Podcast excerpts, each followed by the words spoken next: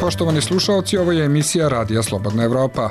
U narednih pola sata sa vama su Svjetlana Petrović i Zoran Glavonjić. Razgovori Srbije i Kosova o dinaru 27. februara u Briselu. Počele konsultacije za mandatara nove vlade Srbije. Navalni trebalo da bude oslobođen u razmeni zatvorenika, tvrdi tim pokojnog ruskog opozicionara. Kijev traži da Poljska kazni odgovorne za prosipanje ukrajinskih žitarica. Napad Izraela na Rafu značio bi kraj pomoći za gazu, saopštile Ujedinjene nacije. U nastavku ćete čuti kako se odvija internet prevara na štetu američkih građana vođena iz Velesa u Severnoj Makedoniji. Ja verujem u predsjednika Trumpa i mislim da je pošten. Poverovala sam da investiram u budućnost svoje porodice i uložila sam popriličnu sumu novca quite a large sum invested. Kao i da u Sarajevskom muzeju zločina protiv čovečnosti i genocida poslednjih meseci dominiraju poruke posetilaca palestinskim civilima. Nema razloga da patimo više, a radimo sebi još uvijek zlo. Ja dolazim iz zemlje gdje se ovakvi ratovi ne dešavaju, tako da je za mene nemoguće da shvatim. Slušate radio Slobodna Evropa. Sastanak na kom će se raspravljati o ukidanju dinara na Kosovu biće održan u Briselu 27. februara, potvrđeno iz Evropske unije. Obe strane potvrdile su učešće, izjavila je Nabila Masrali, port parolka Evropske komisije. Odlukom Kosovske centralne banke od 1. februara jedino sredstvo plaćanja je evro, čime je dinar ukinut. Tu odluku kritikovali su predstavnici međunarodne zajednice i pozvali Prištinu i Beograd da rešenje pronađu u dijalogu o normalizaciji odnosa. Prve konsultacije o kandidatu za predsednika srpske vlade održane su u Beogradu, prenosi Dušan Komarčević. Trenutno nije opcija da budemo u vladi Srbije, izjavio je Šajb Kamberi, nosilac liste Politička borba Albanaca se nastavlja nakon današnjih konsultacija o novom mandataru sa predsednikom Srbije Aleksandrom Vučićem. On je u Beogradu rekao da je preduslov da država realizuje plan o integraciji Albanaca u državne organe najavljen pre desetak godina. Integracija je jedno od pitanja, ekonomski razvoj, povećanje budžeta koordinacijnog tela, povećanje budžeta nacionalnog saveta, priznavanje diploma i naravno ravnomerna, ravnopravna zastupljenost Albanaca u državnim institucijama. Države koje deluju u našim opštinama u kojima nema ni jednog Albanca ili je broj Albanaca sveden na simboliku. Dobili smo obećanja da će da krene nešto da se radi, pa ćemo naš sud, kao što sam rekao, izneti za mesec dana. Na konsultacijama parlamentarnih stranaka u predsedništvu bio je i Slobodan Nikolić, nosilac liste Ruska stranka, koji je rekao da je na sastanku sa Vučićem podržao odluku da se ne uvode sankcije Rusije zbog invazije na Ukrajinu i stav države da ne priznaje nezavisnost Kosova. Saglasili smo se oko tih osnovnih stavova, nije bilo reči o konstituisanju vlade. Po našem mišljenju izbori su bili regularni, E, smatramo da su izbori bili pošteniji nego u Americi. Pre te tri godine gde su ostavljeni glasački lizići u sandučiće ovaj, ispred kuća, pa su kupljeni i brojani kasnije. Parlamentarne i lokalne izbore u Srbiji 17. decembra obeležile su brojne nezakonitosti, kao što su kupovina glasova, pritisci na birače, izveštavanje medija u korist vlasti, zloupotreba javnih resursa i učešće predsednika u kampanji, navedeno je u preliminarnom izveštaju posmatračke misije Organizacije za evropsku bezbednost i saradnju. Posmatračka misija Nevladinog centra za istraživanje transparentnosti i odgovornost kraće CRTA zaključila je da je vlast na čelu sa Srpskom naprednom strankom u saradnji sa državnim institucijama sistemski pokrala izbore posebno dovođenjem hiljada državljana Bosne i Hercegovine u Beograd, kao i iz manjih sredina u Srbiji da nezakonito glasaju za SNS. Skupština Beograda još nije formirana. Otvorena je mogućnost ponavljanja izbora, a Evropski parlament nedavno je pozvao na međunarodnu istragu izbora u Srbiji, što vlast kategorički odbija. Podpredsednik Demokratske stranke Miodrag Gavrilović ocenio je da su konsultacije Vučića oko formiranja vlade farsa, koja, kako je rekao, predstavlja pokušaj da se medijska pažnja prebaci sa događaja koji su Vučiću neprijatni, kao što su pritisci iz Evrope da se nezavisno ustanovi šta se dešavalo u izbornom procesu. Najava vlasti da će u Beogradu biti novi izbori je dokaz da se dogodila izborna krađa. Vučić je naneo toliko zla da sa njim nemamo šta da razgovaramo, rekao je Gavrilović. Vučić je najavio da 26. februara počinje konsultacije sa svima koji, kako se izrazio, žele da razgovaraju i da će potom odrediti mandatara. Na proteklim izborima ukupno je 10 izbornih lista prešlo cenzus. U državnom parlamentu od 250 mesta najviše mandata ima Vučićeva Srpska napredna stranka sa koalicijonim partnerima 129, Opoziciona koalicija Srbija protiv nasilja ima 65, Socijalistička partija Srbije Ivica Dačića 18, 13 je poslanika dobila koalicija NADA, kao i liste Mi glas iz naroda Branimira Nestorovića. Od manjinskih partija šest je osvojila stranka Vojvođanskih Mađara, po dva liste Usame Zukorlića i stranke Demokratske akcije, a po jedan lista Politička borba Albanaca se nastavlja i Ruska stranka. Iz predsedništva je saopšteno da će na konsultacijama u utorak biti Savez Vojvođanskih Mađara i lista Usame Zukorlić. Iz Beograda za Radio Slobodna Evropa Dušan Komarčević. Ovo je regionalni program Radija Slobodna Evropa. Slušajte nas svaki dan u 18 i 22 sata.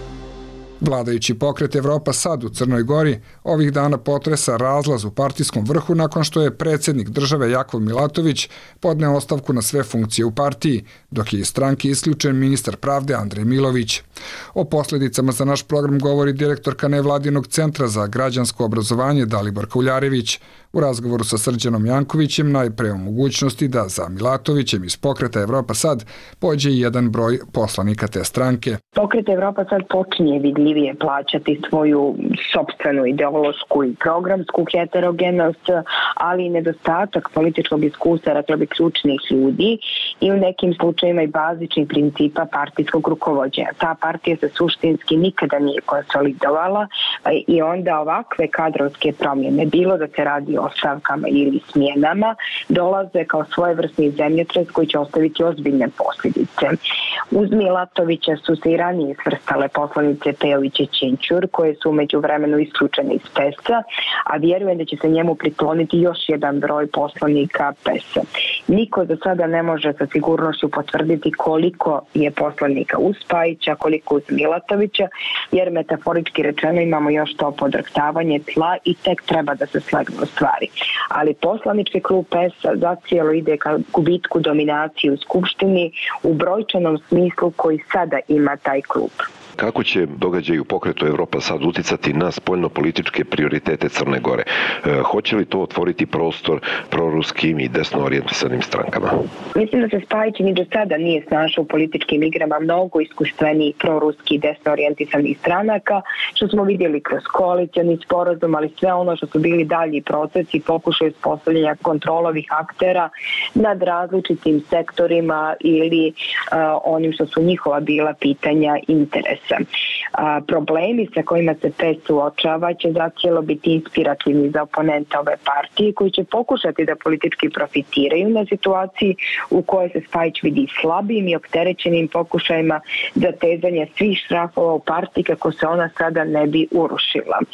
I ono što je, čini mi se negdje važno, naglasiti da ovaj novi talaz za stabilizacije nije samo nešto što pogađa PES-a, on će definitivno imati imati negativan efekt i na evropske integracije i to u ključnom periodu kada su velike očekivanja ali šanse pred Crnom Gorom od strane Brisela, a sigurno neće e, imati blagotvoran uticaj na smirivanje postojećih tenzija unutar same vlade i njen konzistentni pristup u kreiranju i sprovođenju javnih politika. Takođe otvoreno i pitanje vezano za e, razlaz Milatovića i Spajića, kakve će to imati reperkusije na funkcionisanje države, odnosno e, kako će nadalje funkcionisati kohabitacija, hoće li biti obstrukcija? I do sada bilo vrlo neobično, imajući u vidu da su oni eto skoro do juče bili e, u istoj partiji i za očekivati bi bilo da su predsjednik i premijer iste partije bili u nekoj vrsti saglasja kroz ono što je obnašanje um, visokih pozicija koje su imali, a mi smo sasvim suprotno u javnosti bili svjedoci jednog mora očito nepremostivih razlika, a čak i činjenice da oni uh, faktički nisu imali direktnu komunikaciju. Imali smo primjer kada je uh, predsjednik bio Đukanović, a vlada iz njemu tada su prostavljene parlamentarne većine i vidjeli smo da je taj proces bio opterećen tim razlikama, pa i do mjere da smo u nekim oblastima imali ozbiljne probleme kao što je to bio izostanak konsenzus oko imenovanja diplomatskih predstavnika. Uh, sigurna sam da će Milatović u punoj mjeri koristiti uh, one, iako uske ustavne nadležnosti koje ima, što znači da će svaki zakon koji se usvoji u Skupštini biti pod lupom, ali da neće lako ići ni taj proces imenovanja diplomatskih uh, predstavnika, iako je, su razgovori otpočeli i nekako su prve poruke tu bile pozitivne, ali ubrzo su uslijedili, su uslijedili ove partijske turbulencije koje će sigurno imati svog uticaja. Kako će ovo uticati na najavljenu rekonstrukciju vlade, odnosno koliko su realni novi izbori? Izbori po mom sudu sada ne odgovaraju nikom, tako da nije izvjesno da će politički akter ići u tom pravcu, iako ne treba isključiti da će neki tu kartu vaditi kao dio ucjenjivačkog materijala, a posebno prema premijeru Spajiću. Čuli ste direktorku Centra za građansko obrazovanje Dalibor Kuljarević sa kojom je razgovarao Srđan Janković. Zanima vas što se dešava u regiji? Sve možete naći na slobodnaevropa.org. U Severnoj Makedoniji odvija se internet prevara iza koje stoje pojedinci iz Velesa koji reklamiraju lažne proizvode sa likom bivšeg američkog predsednika Donalda Trumpa, za koje tvrde da će kupcima doneti milione dolara nakon njegovog povratka na vlast – Kroz istraživanje zatvorenih grupa na platformi Telegram, Radio Slobodna Evropa otkrio je kako su američki državljani postali žrtve takozvanih klikača, Prilog Jelene Janković. Obavezno pišite da vam se daju konkretna uputstva kako da prevarite Amerikance. Jedna je od poruka na makedonskom jeziku sa zatvorenog telegramovog kanala u kojima se nalaze prodavci lažnih Trump proizvoda iz Velesa. Američkim građanima plasira se priča po kojoj će danas kupljeni proizvodi sa likom Donalda Trumpa vredeti milione nakon što se Trump vrati na vlast. Na prodaju se zapravo nude potpuno bezvredne kartice, novčići stikeri. Reklame prate snimci i fotografije Trumpa i njegovih saradnika koji su predstavljeni kao kreatori tih proizvoda.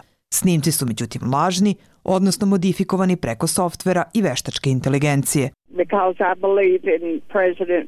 Ja verujem u predsjednika Trumpa i mislim da je pošten. Poverovala sam da investiram u budućnost svoje porodice i uložila sam popriličnu sumu novca. Kaže za Radio Slobodna Evropa Anne Breton, 86-godišnja penzionerka iz predgrađa Nashvilla u američkoj državi Tennessee. Ona već godinama preko Telegram kanala kupuje različite predmete kao što su Trump novčići ili Trumpovi dolari, za koje se tvrdi da će postati zakonito sredstvo plaćanja u budućem Trumpovom monetarnom sistemu. Sredinom prošle godine videla je oglas za debitnu karticu za koju se navodilo da već sada omogućava povrat uloženog novca preko bilo kog bankomata. Uradila sam to. Bankomat je automatski izbacio karticu nazad. Kako Breton svedoči, kupila je 20 kartica, platila ih 6000 dolara i mislila da za svoju porodicu obezbeđuje investiciju od koje će na kraju naplatiti 4 miliona dolara. Nije ni slutila da se cijela mreža oko tih investicija kreira čak 8000 km dalje preko okeana. Kako su utvrdili novinari Radija Slobodna Evropa, najmanje 45 ljudi iz makedonskog Velesa stoji iza ponude za lažne kartice sa imenom Donalda Trumpa. Gradonačelnik Velesa kaže da je ovo brzi način zarade koji najčešće biraju mladi, koje u Velesu zovu klikači. Iskreno kažem, ne znam koliko je to legalno ili nelegalno. Iskreno ne znam koliko je to legalno ili nelegalno, ali verovatno postoji zloupotreba, jer neke od stvari koje se plasiraju u tim Telegram grupama su da ako bi Trump došao na vlast, neke od stvari koje se prodaju imale bi veću vrednost. Ovako se manipuliše građanima SAD. I manipulirat građanite na svoje amerikanske države. Kaže za Radio Slobodna Evropa gradonačelnik Velesa Marko Kolev. Da nije sve legalno smatra i Borče Pejčev, IT inženjer iz Velesa koji tvrdi da je pre dve godine kontaktiran sa ponudom da napravi ove sajtove. Nekoliko ponuda... Nekoliko ponuda. Hoćeš da napraviš skriptu? Sve sam ih odbio. Nudili su mi procenat, ali rekao sam im da ne želim. Ne, ne, hvala, ne. Kaže Borče Pejčev koji nije želao da otkrije više detalja zbog, kako je rekao, lične bezbednosti. Kreatori spornih oglasa nisu hteli da govore za Radio Slobodna Evropa. Bez odgovora je ostalo i pitanje da li bilo koja istraga vodi ka Severnoj Makedoniji, jer iz FBI-a koji je nadležan da istražuje ovakve vrste prevara, navode da ne daju nikakve izjave o eventualnim istragama koje su u toku. Umeđu vremenu, podaci Makedonske uprave javnih prihoda pokazuju da je za poslednje dve godine 98 lica iz Velesa starosti do 35 godina prijavilo prihod iz Sjedinjenih američkih država u iznosu većem od 11 miliona dolara. Kako se navodi, najveći deo tih prihoda ostvaren je od internet usluga i marketinga. Za Radio Slobodna Evropa iz Beograda, Jelena Janković. Kijev je pozvao Poljsku da kazni odgovorne za prosipanje ukrajinskog tereta žitarica na granici proteklog vikenda, izjavio je zamenik premijera Aleksandar Kubrakov. Oko 160 tona ukrajinskih žitarica uništeno je na poljskoj železničkoj stanici u protestu poljskih poljoprivrednika zbog, kako navode, nelojalne konkurencije iz Ukrajine. Oni su blokirali granične prelaze sa Ukrajinom i autoputeve i prosoli ukrajinske proizvode koji su prevoženi teretnim vozom. Tim Alekseja Navalnog, ruskog opozicijonog aktiviste koji je umro u kaznenoj koloni 16. februara, saopštio je da je Navalni trebalo da bude pušten iz zatvora. Njegova saradnica Marija Pevčih rekla je da je Navalni u dogovoru sa Zapadom trebalo da bude oslobođen u razmeni za Rusa Vadima Krasikova, osuđenog na doživotni zatvor zbog ubistva bivšeg čečenskog separatiste 2019. u Berlinu kao i dvojica američkih državljana. Dodala je da su Washington i Berlin bili u toku sa nastojanjima tima Aleksija Navalnog da ga oslobidi i da je dogovor na stolu bio u decembru. Port parolka nemačke vlade odbila je da komentariše ove tvrdnje. Rusija u pritvoru drži više američkih državljana, uključujući novinara Evana Gerškovića i bivšeg marinca Pola Vilana. Izraelska ofanziva u Rafi značila bi kraj humanitarne pomoći za gazu, izjavio je generalni sekretar Ujedinjih nacija Antonio Guterres.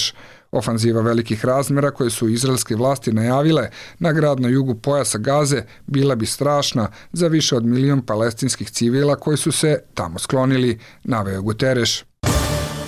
Izraelska vojska predložila je plan za evakuaciju civila u pojasu Gaze, saopštila je vlada Izraela u oči moguće ofanzive u Rafi. U saopštenju kabineta premijera Benjamina Netanjahua ne navode se detalji, način evakuacije kao ni lokacije. Palestinski premijer Mohamed Štaje izjavio je da podnosi ostavku kako bi omogućio formiranje širokog konsenzusa među palestincima o političkim aranžmanima poslije rata u pojasu Gaze.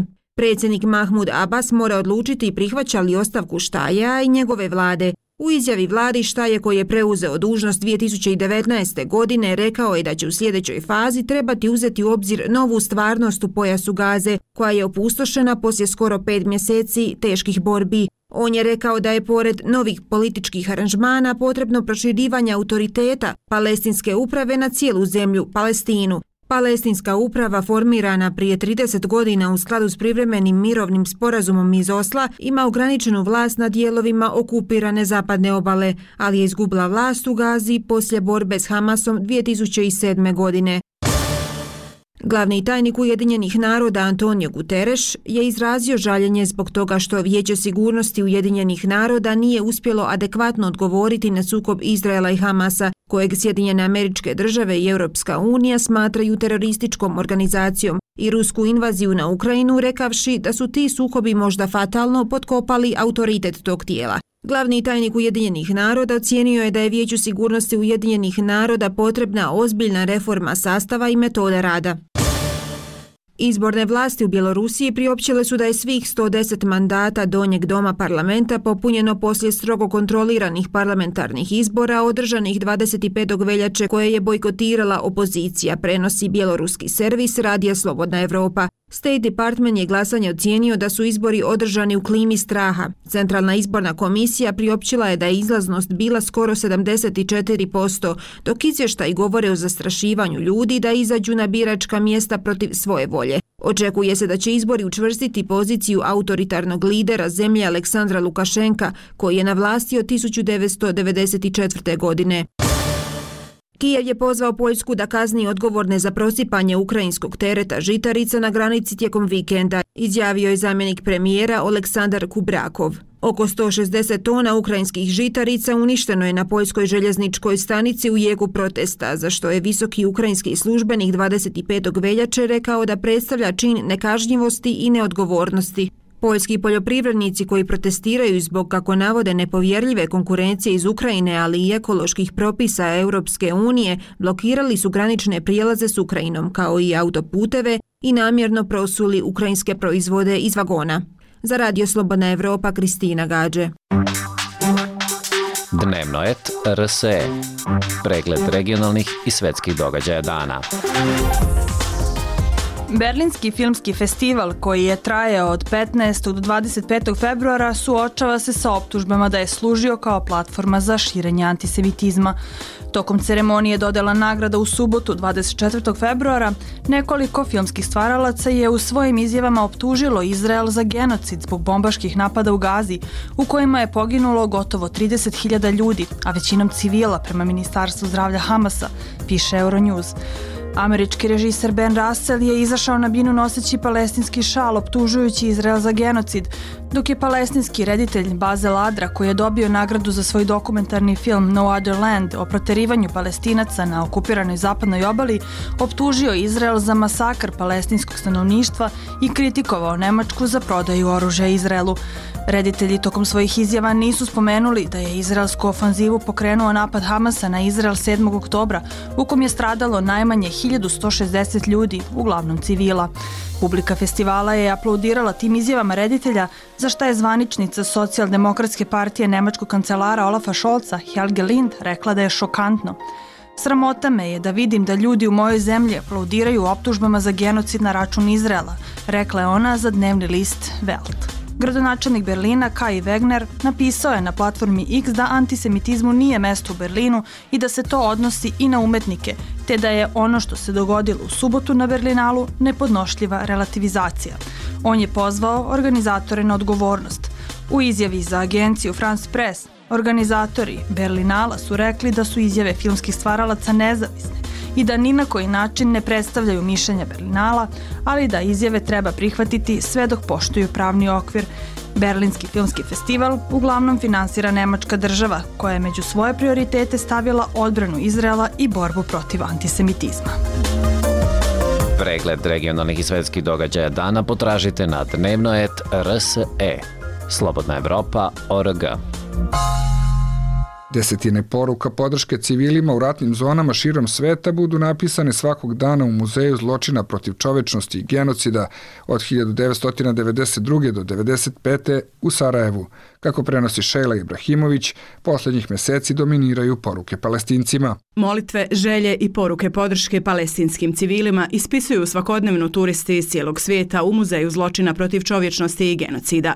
Među njima je i Andreja iz Zagreba, koja je sa porodicom u posjeti Sarajevu. Kaže da joj fotografije i snimci iz pojasa Gaze, koje svakodnevno obilaze svijet, vraćaju sjećanja na rat u Bosni i Hercegovini. Doživjeli smo one sve strahote, ali definitivno znamo šta je Sarajevo prošlo sve i eto, ušli smo, dva dana smo ovdje, e, dojam Sarajeva je divan, ali treba se vratiti u ona sjećanja koja su jako tužna i bolna.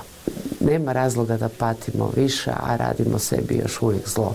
Turista Liam je u Sarajevo došao iz Australije. Kaže da mu je teško shvatiti da svijet nije izvukao pouku iz historije. Ja dolazim iz zemlje gdje se ovakvi ratovi ne dešavaju. Naravno, imali smo i mi svojih komplikacija u historiji, ali ne mogu lično zamisliti da iko želi nešto ovako da se desi. Ja dolazim sa mjesta gdje su svi dobrodošli, tako da je za mene nemoguće da shvatim. Tokom četiri mjeseca u pojasu Gaze ubijeno je više djece, novinara i medicinara nego i u jednom ratu, pokazuju podaci Ujedinjenih nacija. Muzej je otvoren 2016. godine s nadom da će biti opomena i pouka za buduće generacije, kaže Belma Zulić, kustosica muzeja. Zaista puno sličnosti s onim što se danas dešava u svijetu, od etničkog čišćenja, kršenja ljudskih prava, e, borbe e, za život gdje imamo dakle, nehumane uslove u kojima ljudi i borave bez hrane, bez vode, bez struje, bez krova nad glavom, gdje se u suštini sistematski ne samo uništava jedan narod, već i kulturno-istorijsko nasljeđe, gradovi, sve ono što u suštini čini jednu kulturu, naciju i državu.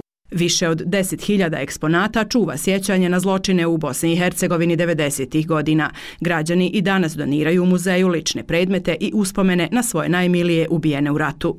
Ova kulturna ustanova je jedna od najposjećenijih destinacija u Sarajevu prema globalnoj turističkoj platformi TripAdvisor. Za Radio Slobodna Evropa iz Sarajeva, Šejla Ibrahimović.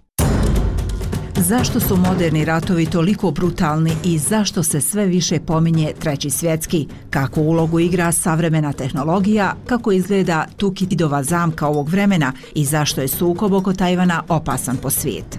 Zašto se savremena antropologija ne bavi uzrocima ratova i kako su rodne uloge povezane s ratovima? To su neka od pitanja kojima se bavi Lejla Omeragić-Ćatić u podcastu Zaviri ispod površine. Iz mira počinje rat da bi se borili za mir. Je li se i vama čini nešto duboko pogrešno i absurdno u tome? Bilo bi kratkovidno tražiti uzroku bilo kojeg savremenog rata, prvenstveno u nekom lokalnom okruženju, kamoli u kulturi samih ljudi u tom lokalitetu. I uglavnom oni koji insistiraju na takvo objašnjenje rata, time sebe naravno predstavljaju kao superiorne, kao tolerantne, kao miroljubive. To je distanciranje od rata, ali iz toga ne možemo nikako da zaključimo da ta društva nisu u ratu. Samo se ti ratovi vode negdje drugdje. Ako vi danas možete da šaljete po neku drugu zemlju dronove i druge tehnološke novotarije koje će ostvariti vojne ciljeve da ne stradaju vaši ljudi, znači ta lakoća s kojom će raznorazni lideri vojskovođe, pogotovo autoritarne i autokratske donositi, to deluje prilično zastrašujuće. Čujena izjava Albert Einsteina je dakle bila i odmah posle drugog svjetskog rata kad su ga pitali kako će se voditi treći svjetski rat, da ne zna, ali da zna će četvrti svjetski rat voditi da toljagama i kamenjem. O tome, pored ostalog, u podcastu Zaviri ispod površine govore urednik vanjske politike Radija Slobodna Evropa Dragan Štavljanin i antropolog Stef Jansen, a podcast pod nazivom Iz mira počinje rat da bi se borili za mir potražite na slobodnaevropa.org kao i na Spotify, Apple i Google podcastima. U Bratuncu se održava festival dečijeg pozorišta na kom će 1. marta Dis teatar iz Zvornika odigrati predstavu Jutro je pametnije od večeri, a manifestaciju će zatvoriti ostvarenje Majsa Spasa u izvođenju Čiča Mičinog pozorišta iz Beograda, javlja Sadik Salimović. Festival dječjeg pozorišta je prilika da se mladi glumci amateri predstave publici i pokažu talenat, kaže Katarina Davidović, glumica u Bratunaškom pozorištu Milica Topalović. Ovo je e, naš prvi e, festival dječjeg pozorišta u Bratuncu. Mislim da je odlična prilika da sarađujemo sa drugim pozorištima, da upoznamo neke druge glumce, da se afirmišemo i da se posavjetujemo sa njima. Nenad Lazić ima 17 godina i glumi u pozorištu Milica Topalović, a sada je u prilici da prenosi znanje na mlađe generacije prvu ulogu sam imao u ovom pozorištu, pa sad ja prenosim na dugu djecu i mlade, evo igram u predstavi. Najljepša esencija pozorišta kad imamo taj kontakt, tu reakciju, kad je i nama lijepo, kad uvijek se sjećamo uvijek tog mjesta gdje smo igrali te nutke i znamo šta je to bilo karakteristično za to područje. Na festivalu u Bratuncu predstavili su se glumci iz Živinica. Suad Avdagić vodi pozorište scena koje ove godine slavi 50 godina postojanja. Mi u Živinicama kojim gajimo ove godine navršavamo 50 godina gradskog pozorišta Živinice, od današnje naziv ovog je scena, kada smo osvojili ovaj, priznanje da budemo u jajcu 74. godine. Uvijek smo imali sreće da imamo svoga kućnog pisa, to je Zlatko Jugović, čiji tekstovi se igraju od Vardara do Triglava, što bi rekli dan danas. Nažalost, on je prošle godine preminuo. Napisao je i ovaj tekst, Tri mačke zakopano blago i još niz ovaj, predstava za djecu. Radovan Petković, direktor Doma kulture Bratunac, napominje da je izuzetno značajno da je ovaj grad domaćin mladim glumcima iz nekoliko gradova. Ovo je izuzetna prilika da se naši mladi glumci i neki možda koji, koji žele da se afirmišu kroz ovo pozorište i kroz jedan ovakav festival, da se pokažu i da steknu neka osnovna znanja e, javnog nastupa i koja će im sigurno mnogo koristiti u budućnosti. Nadam se da će neko od naših, ovih, ovih naših glumaca i upisati fakultet dramskih umjetnosti Festival se organizuje uz podršku Ministarstva civilnih poslova, Savjeta ministara Bosne i Hercegovine, a organizatori su Udruženje Arte iz Bratunca i Dom kulture. Za radio Slobodna Evropa iz Bratunca, Sadik Salimović.